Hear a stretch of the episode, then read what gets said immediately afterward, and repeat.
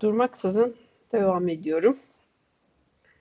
Bugün içinde herhalde bitiririm kitabı. Saat daha 12.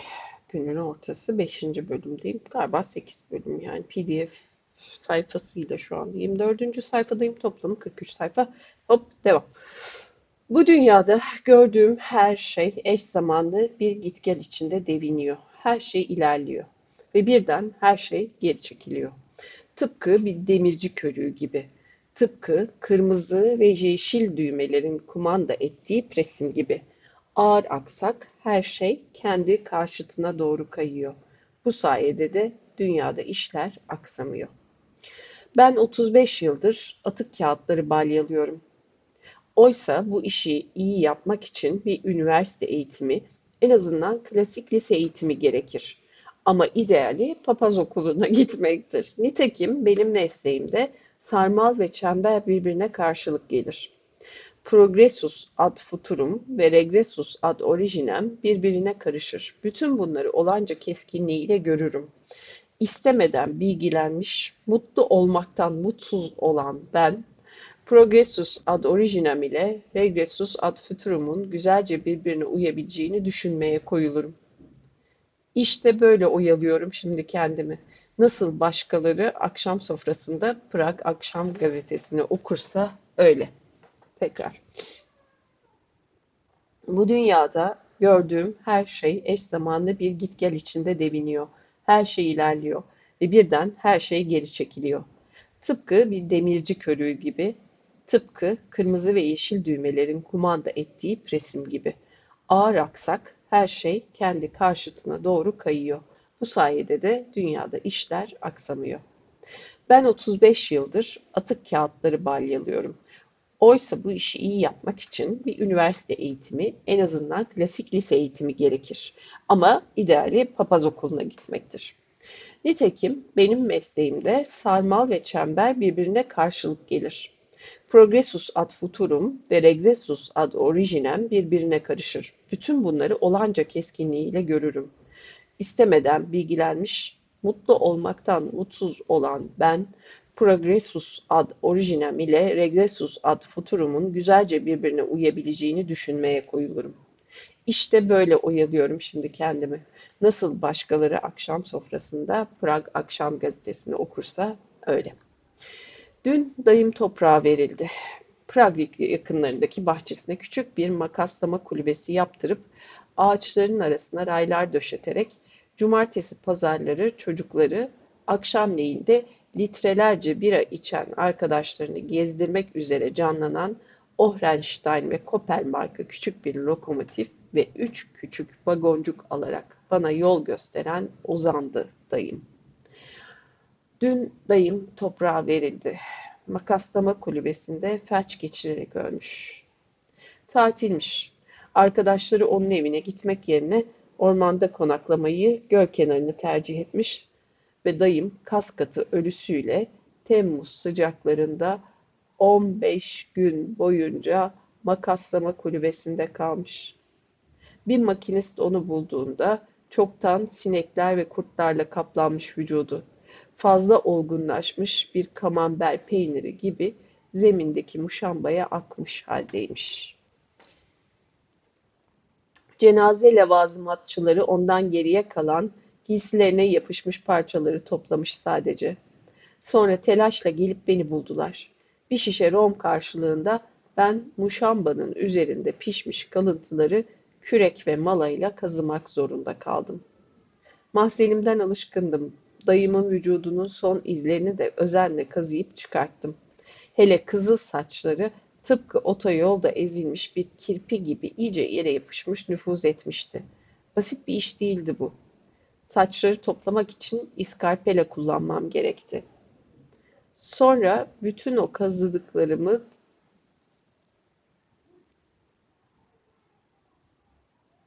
yan komşularımın iki çocuğu var.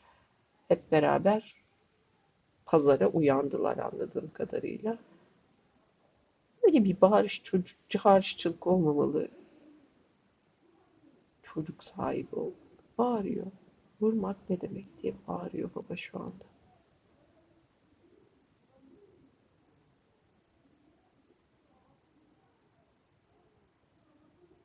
Onu ağlatmaya gerek var. Ciyak ciyak. Devam.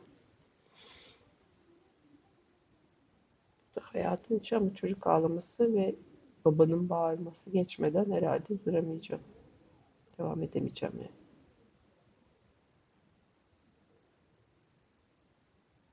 Kıyamam.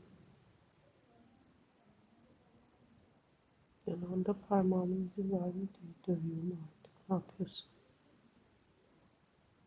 Pardon ya da çocuk da iki çocuğun işte arasındaki kavga.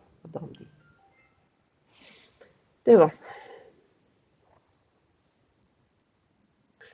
Sonra bütün o kazıdıklarımı tabutuna yatırılmış dayımın giysilerinin altına tıkıştırdım. Hala çivisinde asılı duran demir yolcu kasketini başına taktım. Parmaklarının arasına da Immanuel Kant'ın o çok güzel metnini koydum. Bana hep heyecan veren o metni. Alıntı. İki konu düşüncemi hep yeni ve büyüyen bir hayranlıkla dolduruyor. Üzerimdeki yıldızlı gök kubbe ve içimdeki ahlak yasası. İki konu düşüncemi hep yeni ve büyüyen bir hayranlıkla dolduruyor. Üzerimdeki yıldızlı gök kubbe ve içimdeki ahlak yasası. Sonra fikrimi değiştirip genç Kant'ın kitabını karıştırdım ve daha da güzel cümleler buldum. Yine alıntı. Bir yaz gecesinin ürpertili aydınlığı göz kırpan yıldızlarla doluyken, ay tam tepedeyken, dostluktan, dünyayı küçük görmekten ve sonsuzluktan yapılma yüksek bir duyarlılık durumuna çekilirim ağır ağır. Bir yaz gecesinin ürpertili aydınlığı göz kırpan yıldızlarla doluyken, ay tam tepedeyken, dostluktan, dünyayı küçük görmekten ve sonsuzluktan yapılma yüksek bir duyarlılık durumuna çekilirim ağır ağır. Duyarlılık değil, duyarlılık tabii ki. Duyarlılık durumuna çekilirim ağır ağır. Bunun üzerine dayımın dolabını açtım. Koleksiyonu orada duruyordu. Dayımın bana sık sık gösterdiği ama hiç ilgimi çekmeyen şu koleksiyon. Rengarenk hurdalarla dolu kutular. Dayım hala garda çalışırken çoğu zaman rayların üzerine küçük bakır, pirinç, demir, kalay ve başka maden parçaları koyarak eğlenirdi. Tren geçtikten sonra tuhaf ezilmiş şekilleri toplar, akşamleyin birleştirirdi. Her parçanın yarattığı çağrışımlara göre bir adı vardı. Sanki doğu kelebeklerinden bir koleksiyondu. Çizgili alüminyum kağıtlarla dolu boş şekerleme kutularıydı bunlar. Birer birer bütün kutuları dayımın tabutuna boşalttım. Onu bu değerli hırdavatla örttüm.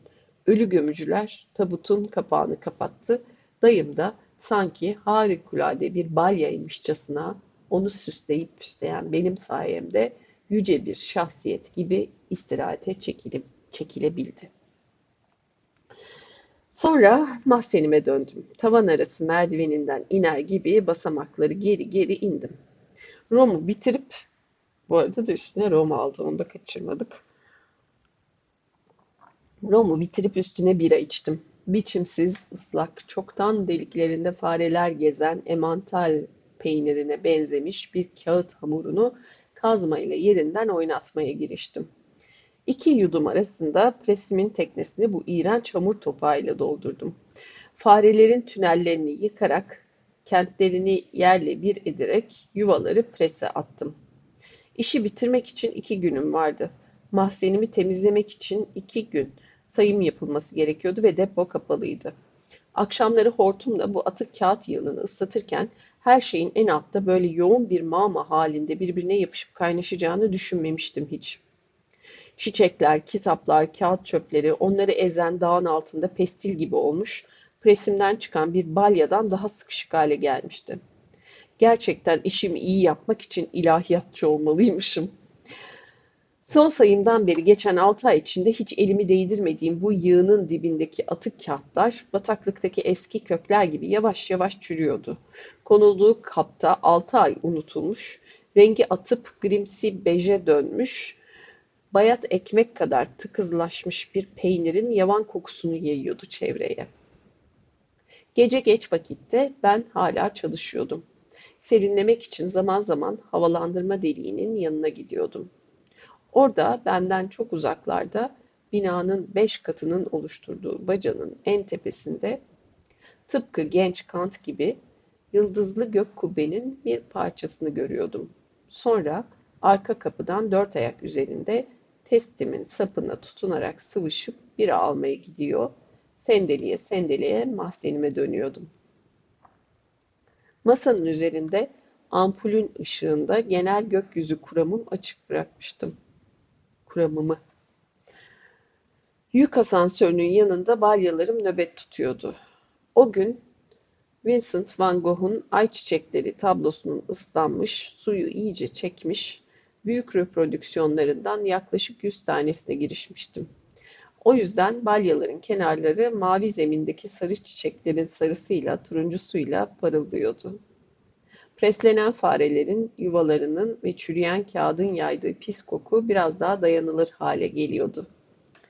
Presin tablası yeşil ya da kırmızı düğmelere basışıma göre gidiyor, geri çekiliyordu. Her molada Kant'ın genel gökyüzü kuramını okuyarak içki içiyordum.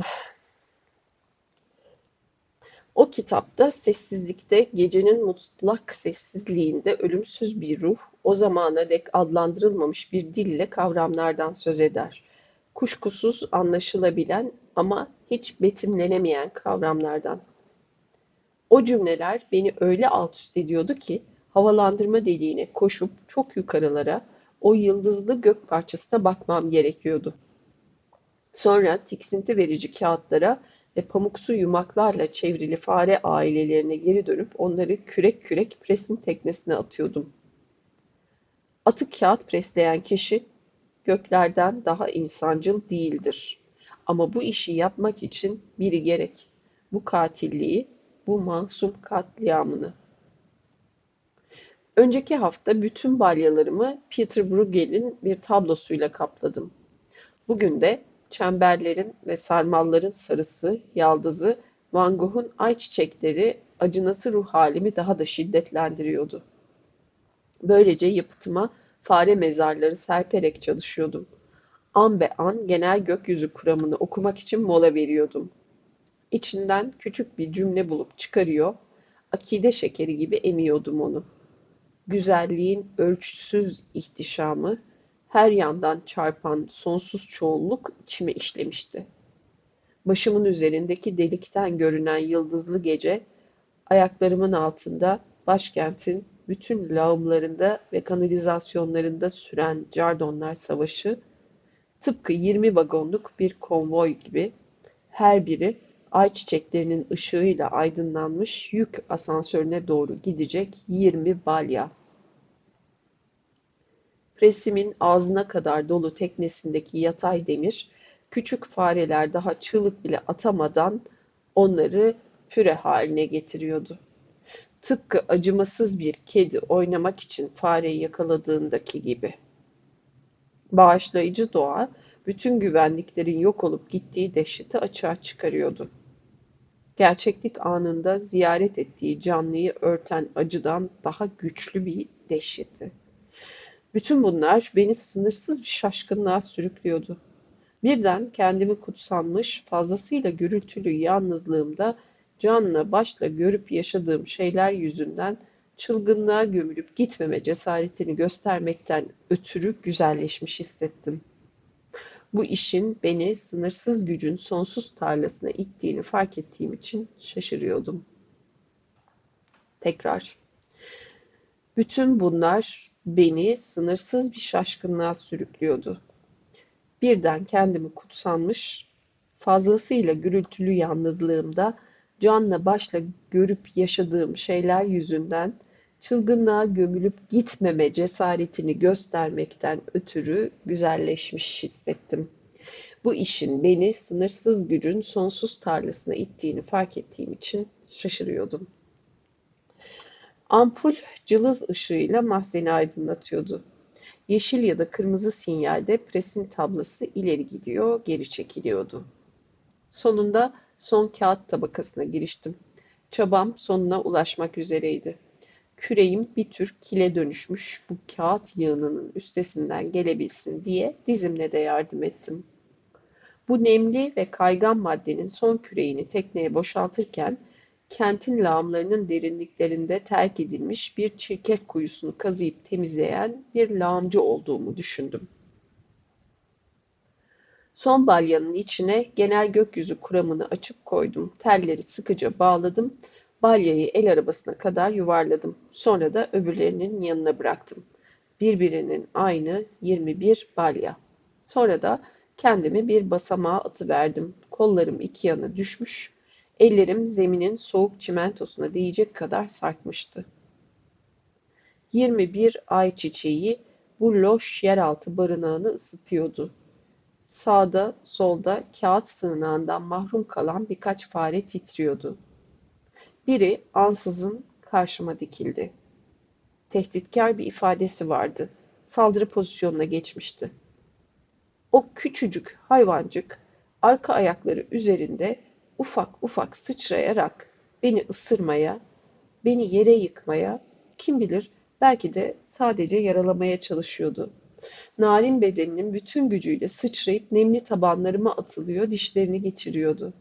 Her saldırısını yumuşaklıkla savuşturuyordum ama yorulmak bilmeden geri geliyordu. Sonunda gücü tükendi. Bir köşeye çekilip gözlerini üzerime dikti. Gözlerime bakmaya koyuldu. Yaprak gibi titreyen bense, yaldızlı gökten ruhumdaki ahlak yasasından daha fazla bir şey gördüm onun bakışında. O zaman gök gürültüsünün çatırtısında Arthur Schopenhauer belirdi karşımda. Aşk en yüce yasadır ve bu aşk merhamettir.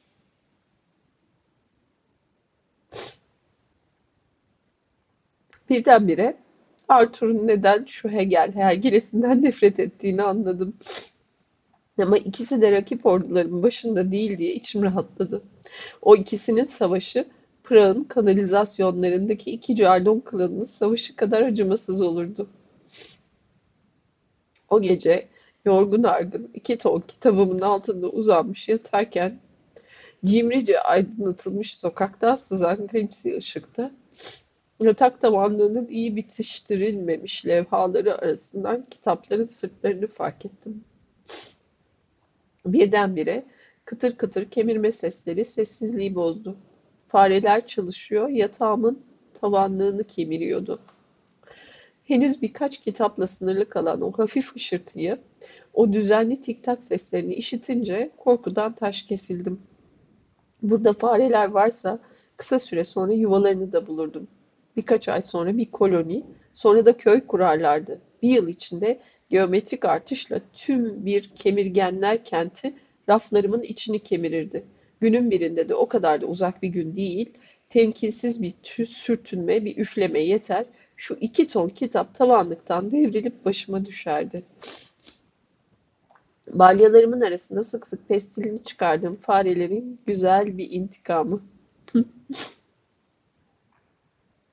O küçük küçük kemirme sesleriyle sarılmış bir yarı uyku hali içinde yatıyordum. Her zamanki gibi samanyolu biçimindeki küçük bir çingene kızı düşlerimin dalgalarında gelip beni buldu. Gençlik aşkım, birahanelerin kapılarında hep beni bekleyen, sessiz ve temiz yürekli çingene kızı, bir bacağını balerinler gibi öne atmış, gençlik çağlarımı büyüleyen ve uzun zamandır unuttuğum güzellik. Yağlı, terle kaplı, merhem ve mis kokusu yayan, şiddetli bir av hayvanı kokusu yayan bedeni, onu her okşadığımda parmaklarımı tereyağına batırıyor hissine kapılırdım. Sos ve çorba lekeleriyle dolu berbat bir, berbat elbiseyi giyerdi her zaman. Tekrar. Yağlı, terle kaplı, merhem ve mis kokusu yayan, şiddetli bir av hayvanı kokusu yayan bedeni, onu her okşadığımda parmaklarımı tereyağına batırıyor hissine kapılırdım. Sos ve çorba lekeleriyle dolu berbat bir elbiseyi giyerdi her zaman. Molozlar arasından toplayıp evime getirdiği levhaların bıraktığı kireç ve kurt yeniği ahşap izleri olurdu omuzlarında. Molozlar arasından toplayıp evime getirdiği levhaların bıraktığı kireç ve kurt yeniği ahşap izleri olurdu omuzlarında. Savaşın sonunda rastlamıştım ona. Handan çıkıyordum. Evet, Horki hanından. Peşime takıldı. Ne fazla geride kalıyor ne önden gidiyordu. Gürültü yapmadan arkamdan yürüyordu. Omzumun üzerinden konuştum onunla. İyi akşamlar. Artık gitmem gerek dedim kavşağa varınca. Benim yolum da burası diye karşılık verdi. Ludmila sokağına girip ondan uzaklaşmak istedim ama daha aşağılarda işi varmış. Kurban denen yere yürüdüm. Özellikle elimi uzatıp hoşça kal dedim ama yok. O da bu yönde gidiyormuş. Dolayısıyla o zamanlar oturduğum sonsuzluk rıhtımına kadar yürümeye devam ettik. Binanın önündeki sokak lambasının altına kadar bile takip etti beni. Hoşça kal dedim ama onun evi de burasıymış. Kenara çekilip yol verdim ama geçmedi. Karanlık koridora ilk benim girmem konusunda ısrarlıydı. Avlunun basamaklarına indim. Anahtarı kapıya sokup iyi akşamlar dilemek için döndüm. Avlunun basamaklarına indim. Anahtarı kapıya sokup iyi akşamlar dilemek için döndüm. Ama o da kendi evine gelmiş. Dolayısıyla evime girip yatağımı paylaştı. Sabah uyandığımda yatak hala sıcaklığını taşıyordu ama kendisi ortadan kaybolmuştu. O günden sonra eve gece dönmeye ayarladım kendimi. Yıkıntılardan topladığı beyazlamış levhalar ve kemirilmiş kirişlerden bir yığınla penceremin altına oturup beni bekliyordu daima. Bir kedi gibi odama sızı veriyordu. Gidip bira getiriyordum. Testime beş litre dolduruyordum. O sırada Çingene kızı eskiden demirci dükkanı olarak kullanılmış odamdaki koca baca sayesinde kapısı açıkken bile gürül gürül yanan küçük dökme fırınımı akkor haline gelinceye kadar ısıtıyordu. Her gün aynı yemeği hazırlıyordu. Patatesli, at sucuklu gulaş pişiriyordu. Sonra sobanın yanına oturuyor, içine odun dolduruyordu. Omuzlarını, boynunu ateşin sıcaklığıyla terli bir ıslaklıkla belirginleşen değişken profil, profilini geniş bir sarı ışık aydınlatıyordu. Soyunmadan yatağıma uzanır, ara sıra kalkıp testiden lıkır lıkır bira içer, sonra testiyi ona uzatırdım.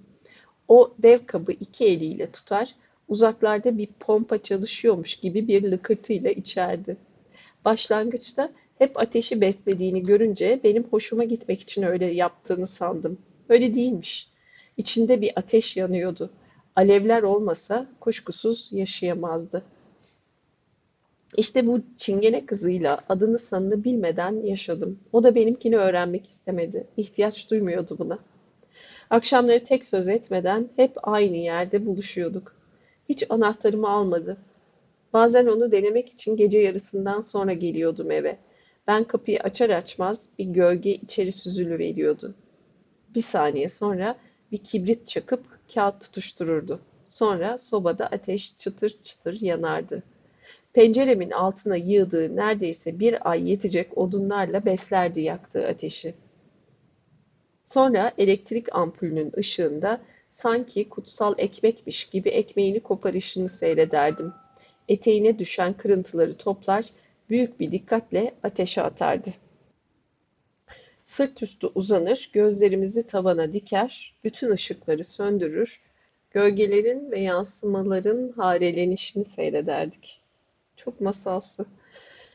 Masadan testimi almak için kalkınca kendimi yosunlar ve su bitkileriyle dolu bir akvaryumda, o titrek gölgelerle dolunaylı bir gecede sık bir ormanda sanırdım. Akı kıvılcımlar saçan gözlerini üzerime dikmiş çıplak çingene kızını seyrederdim hayran hayran. Çiğ ışık yerine loş aydınlıkta daha iyi görüyorduk birbirimizi. Zaten gecenin bastırmasını, alacakaranlığı çok severdim. Günün muhteşem bir şeylerin olabileceği izlenimine kapıldığım tek anıydı. Tekrar, çiğ ışık yerine loş aydınlıkta daha iyi görüyorduk birbirimizi. Zaten gecenin bastırmasını, alacakaranlığı çok severdim. Günün muhteşem bir şeylerin olabileceği izlenimine kapıldığım tek anıydı. O belirsiz saatte her şey daha güzel görünüyordu gözüme. Sokaklar, meydanlar, yüzleri menekşeler gibi kadifeleşen insanlar. O anda yakışıklı bir genç adam olduğum yanılsamasına düşüyordum. Aynalara, mağazaların vitrinlerine yan gözle şöyle bir bakardım. Kırışıklarım kalmamıştı. Parmaklarım hayrete düşer, yüzümde gezinirdi. Alacakaranlık her gün güzelliğe kapı açardı. Aralık sobada korlar kızıllaşırdı. Çingene kızı ateşe odun atmak için ayağa kalkar. Karim Meydanı'ndaki kilisede bulunan Ermiş Ignacio de Loyola gibi bir altın aylayla kuşatılmış parlardı bedeni. Sonra üzerime uzanırdı. Profilime bakarak parmağını burnumda, ağzımda gezdirir, ara sıra öperdi. Her şeyi ellerimizle anlatırdık birbirimize. Orada uzanıp kalırdık. İyice eskimiş dökme sobanın kıvılcımlarına, odunun ölümünden çıkan ışık kıvrımlarına gözümüzü dikerdik. Burada böyle sonsuza kadar yaşamaktan başka bir şey istemezdik. Sanki uzun zaman önce her şeyi söylemiştik birbirimize. Sanki dünya ile birlikte gelmiş, birbirimizden hiç ayrılmamıştık. Bir sonbahar günü bu son savaşın sondan bir önceki yılında mavi kağıt, bir bobin sicim ve yapıştırıcı satın aldım. Bir pazar günü Çingene kızı elinde bira testisiyle durmaksızın gidip gelirken ben bir uçurtma yaptım. İyice dengeledim ki dost doğru göğe yükselsin. Çingene kızı benim talimatlarıma uyarak uçurtmanın upuzun kuyruğuna küçük kağıtlar yapıştırdı ve çıplak dağa doğru yola koyulduk. Uçurtmayı göğe saldım. Kıpırdamadan dursun diye sicimini gerdim. Sadece kuyruk dalgalanıyor, kocaman bir S çiziyordu. Çingene kızı elleriyle yüzünü örtmüştü ama parmaklarının arasından kocaman şaşkın bakışlı gözleri görünüyordu. Artık oturmuştuk. İpi gevşetip uçurtmayı çingene kızına verdim. Ama uçurtma beni göklere sürükleyecek, Meryem Ana gibi dosdoğru cennete çıkartacak diye bağırdı. Kolumu da boynuna doladım. İkimiz birlikte havalanırdık. Ama başını omzuma koyup uçurtmanın ipini bana geri verdi. Birdenbire uçurtma sayesinde bir mesaj yollama düşüncesi geçti aklımdan. Göğe yükselir de bir daha asla beni göremez düşüncesinden çok korkan kız tekrar ipi tutmayı reddettiği için ipin bağlı olduğu sopayı toprağa sapladım. Defterimden bir sayfa yırttım, ipe bağladım. Çingene kızı sarsılarak yükselen mesaja doğru ellerini uzatmış çığlıklar atıyordu. Uçurtma ipini şiddetle gerdi. İçimde sanki büyük bir çarpışma yankılandı. Baştan ayağa ürperdim. Uçurtma birden Tanrı'ya dönüşmüştü. Ben oğluna, ip de insanoğluyla Tanrısı arasındaki aracıya, kutsal ruha. Daha birçok kere uçurtma göğe yükseldi. Çingene kızı artık ipi tutmaya başlamıştı. Uçurtmanın rüzgarın şiddetiyle sarsıldığını görünce benimle birlikte titriyordu. Parmağını ipi dolamış, coşkuyla bağırıyordu. Ama e, bir akşam eve döndüğümde onu bulamadım. Işığı yaktım. Dışarıda boşu boşuna şafak sökene kadar bekledim. Gelmedi. Ertesi günde, daha ertesi günde. Bir daha hiç görmedim küçük çingenemi. Bir parça tahta gibi, Tanrı ruhunun soluğu gibi basit çingenemi. Sobamı tutuşturmaktan başka bir şey istemezdi. Yıkıntılar arasında bulduğu çarmıhın tahtası kadar büyük o ağır levhaları taşır dururdu omuzlarında. Gerçekten de patatesli at sucuklu gulaşından, sobanın ateşini beslemekten ve sonbahar göğüne kocaman bir uçurtma salı vermekten başka daha fazla bir şey istemezdi. Çok sonra, epey zaman sonra öğrendim ki Gestapo öbür çingenelerle birlikte onu da alıp götürmüş, sürmüş. Bir daha geri dönmedi. Maydanek'te ya da Auschwitz'te bir yerlerde bir fırında yakıldı. Gökler insancıl değil. Ben o dönemde henüz öyleydim. Savaş bittiğinde o geri dönmeyince uçurtmayı, ipini ve adını unuttuğum o küçük çingenenin süslediği kuyruğunu avluda yaktım. Savaştan uzun zaman sonra 50'li yıllarda mahzenime yığınla Nazi yayını geldi. Küçük çingenemin tatlı sonatının aydınlığında coşkuyla presliyordum hep aynı konuyu işleyen tonlarca kitap ve broşürü. Sabuklayan, kendinden geçerek selam veren erkek ve kadınların fotoğraflarıyla kaplı yüzlerce sayfayı çeviriyordum. İhtiyarlar, işçiler, köylüler, esesler, askerler, hepsi de sabuklayan, hepsi de selam duran, canla başla kendimi işime vermiş mekanik presinin teknesinde kurtarılmış Danzig'e giren Hitler ve mahiyetini yok ediyordum. Kurtarılmış Varşova'ya giren Hitler, kurtarılmış Prag'a, Viyana'ya, Paris'e, Hitler yakın dostlarıyla, Hitler hasat bayramında, Hitler ve sadık kurt köpeği, Hitler cephedeki askerleri ziyaret ederken, Hitler genelkurmay haritalarına bakarken, Hitler'i, sabuklayan kadınları, erkekleri, çocukları presledikçe çingenemi düşünüyordum. O hiç sabuklamazdı. Bulaşını hazırlamak için sobayı yakmaktan, bira testini doldurmaktan başka bir arzusu yoktu. Ekmeği kutsal ekmek gibi bölüp yemekten, sonra da sobayı, alevleri, sıcaklığı, ateşin ezgili gurultularını, ateşin çocukluktan beri tanıdığı ve ırkını kutsal bağlarla damgalayan şarkısını dinlemekten başka bir şey istemezdi. Işığı her acının üstesinden gelen, yüzlere o melankolik gülümsemeyi çizen ateş, o kız için mutlak mutluluğun yansıması. Yatağıma sırt üstü uzanmışım. Küçücük bir fare göğsüme düşüyor ve kayarak çabucak kaçıp saklanıyor. Herhalde çantamda ya da mantomun ceplerinde üç dört tane getirmişim buraya. Tuvalet kokusu avluyu dolduruyor. Yakında yağmur yağacak diyorum kendi kendime. Biradan ve çalışmaktan sersemlemişim. Kolumu kıpırdatacak halim yok. İki günde mahzenimi fareler pahasına temizledim. O mütevazi hayvancıklar da kitapları kemirmek ve atık kağıttan deliklerinde yaşamaktan başka bir şey istemez.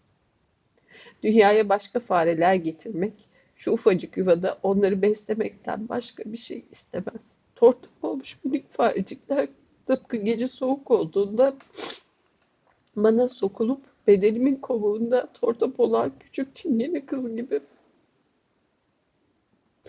Gökler insancıl değil. Ama o göklerden daha fazlası var kuşkusuz.